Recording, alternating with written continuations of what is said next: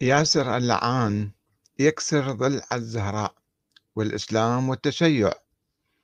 والحوزة الأمية في مأزق إدانة الفيلم وتأييد الأسطورة التي بنى عليها ياسر اللعان فيلم, فيلم الفتنة. في الحقيقة آه، ربما آه، بعض الأمور يعني هي ضارة ولكنها رب ضارة نافعة كما يقولون. يعني الحوزة الآن في مأزق. في سنة 1993 آه، ظهر شريط للسيد محمد حسين فضل الله رحمة الله عليه. شريط خاص في جلسة خاصة يعني آه، واحد أو وحدة تسأله عن موضوع كسر الضلع فيقول لها والله هذه القصة يعني ما تخش بعقلي. فأقامت الحوزة الأمية الدنيا عليه ولم تقعدها. كتب صدر ضده.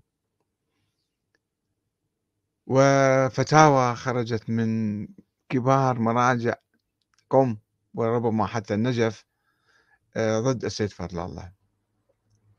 لماذا؟ لأنه شكك في هذه القصة التي تعتبر العمود الفقري للفكر الطائفي.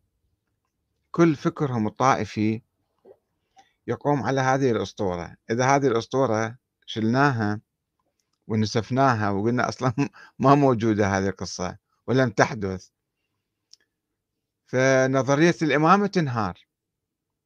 لأنه الإمام علي كيف يروح يبايع أبو بكر وعمر؟ لازم بالقوة والإكراه.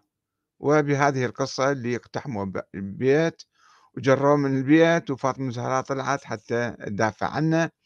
وأسروها ورا الباب وطب البسمار بضلعها وصدرها وكسرها وسقط جنينها وما إلى ذلك. فكل الأسطورة لماذا يدافعون عن هذه الأسطورة؟ لأنها نظرية الإمامة الإلهية المثالية الخيالية الأسطورية تقوم على هذه الأسطورة. ولذلك يدافعون عنها. وشأنه حملة شعواء حتى اليوم يعني آه، أنه هذا كتب السيد ممنوعة وأي حديث عن السيد ممنوع في هذه الحوزات. ولكنهم عندما اجى هذا ياسر اللعان وأنتج هذا الفيلم فيلم الفتنة عن الزهراء واقتحام دارها وقتلها ورفسها في شيء بشع جدا حقيقة. يعني واحد ما يتصور هذا حتى عند النازيين يمكن أن يضربون امرأة آه، يدفروها برجليهم يعني أشياء فظيعة. فالآن خرجت بعض الفتاوى من إيران ومن هنا وهناك بإدانة هذا الفيلم. طيب هذا خطوة مشكورة إدانة هذا الفيلم ولكن ماذا عن هذه الأسطورة التي استند إليها ياسر اللعان وأنتج هذا الفيلم؟ لماذا الحوزة ما تراجع هذا التراث التاريخي الأسطوري الموروث؟ وهو مو جزء من العقيدة بس هم مسوين عقائد عليه يعني هذه الأسطورة يعني أي واحد يبحثها شوية يشوف أنه حتى الكلام المنسوب لعمر مو ثابت في الحقيقة. أني آه، وإن قال سوف أحرق عليهم الدار وإن اللي ورا 200 سنة اجى واحد كتبها في رواية خبر آحاد واحد عن واحد ورا 200 سنة. وبعدين بالقرن الثالث بالقرن الرابع لا صار كتاب سليم بن قيس الهلالي الموضوع في ذلك الزمن هو الذي أسس هذه الأسطورة وكبرها ووسعها ونفخ فيها حتى تصير يعني آه يعني تؤيد نظرية الإمامة وتنفي أن الإمام علي يروح يبايع أبو بكر وعمر إذا كان أكو نص عليه. فشلون يروح يبايع أبو بكر وعمر وعثمان؟ فلا جروه بالقوة وحطوا عقاله برقبته وجروه. مشكل يعني هكذا تصور هذه. رب ضارة نافعة النفع اللي الآن حقيقة حصل هو تسليط الضوء على هذه الأسطورة. باقي الحوزة أن تقوم بمهمة البحث والتحقيق والتدقيق ومراجعة التاريخ. ولكن المشكلة الحوزة ما فيها درس تاريخ ولا تقترب من التاريخ. تاريخ الأئمة غير هاي القصة. تاريخ الأئمة البقية لا تقترب من التاريخ لأن التاريخ الشيعي تاريخ الأئمة الحقيقي إذا محص ودقق وتوضح راح ينسف كثيرا من الأساطير. وهم عايشين على أساطير في هاي الحوزة الأمية فما يقتربون. فمن ناحية يشوفون مثلا ذكرى استشهاد الزهراء كل سنة ياخذوا عدة مناسبات أوقات متفرقة وكل يوم مرة عشر أيام ويمثلون ويسوون قصص وهذا. آه ويعيشون على السوالف حتى يكرسون الثقافة الطائفية.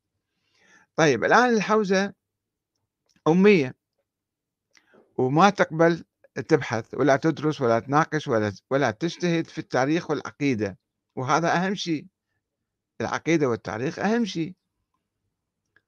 ما هي مسؤوليتنا؟ ما هي مسؤولية الناس العاديين؟ هل يقلدوا هاي الحوزة الأمية؟ هل يجوز التقليد أساسا في العقيدة وفي التاريخ؟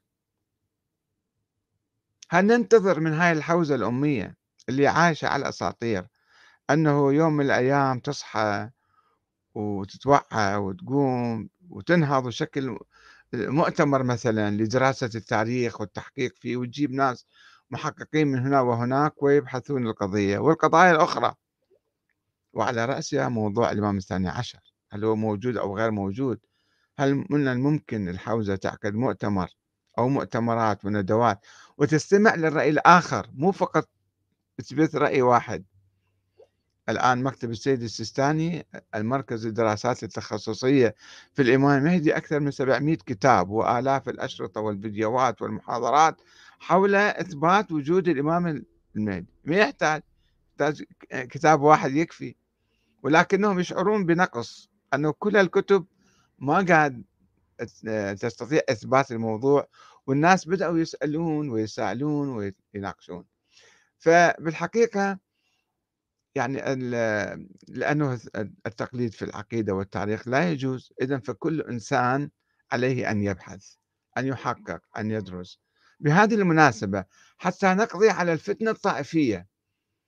هذا الفيلم مو فقط فيلم يعني منو شافه منو ما شافه مو مهم. المهم أنه إحنا الشرخ الموجود بالأمة الإسلامية بين ما يسمى شيعة ويسمى سنة شرخ موروث من ألف سنة.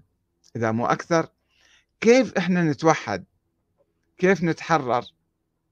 نتوحد بأننا كل إنسان هو يروح يبحث ويناقش وما يعتمد على هالمشايخ ولا يقدسهم ولا يقلدهم ولا يتبعهم لأنهم لهم مصالح في هذه الفتنة.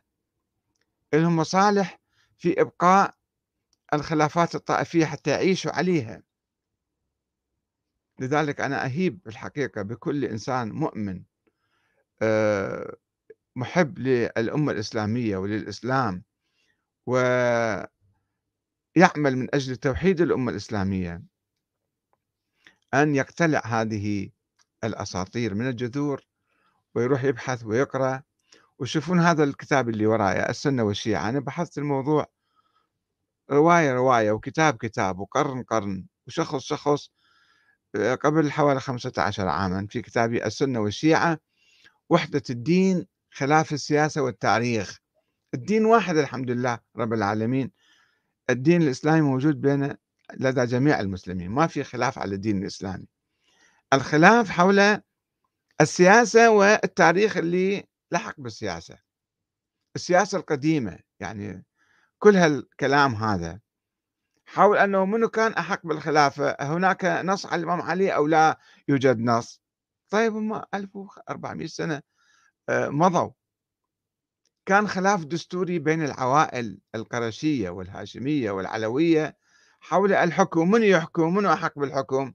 وسووا هالخلافات والأساطير. طيب إحنا الآن بعد 1400 سنة الحمد لله رب العالمين لا يوجد العوائل كلها راحت.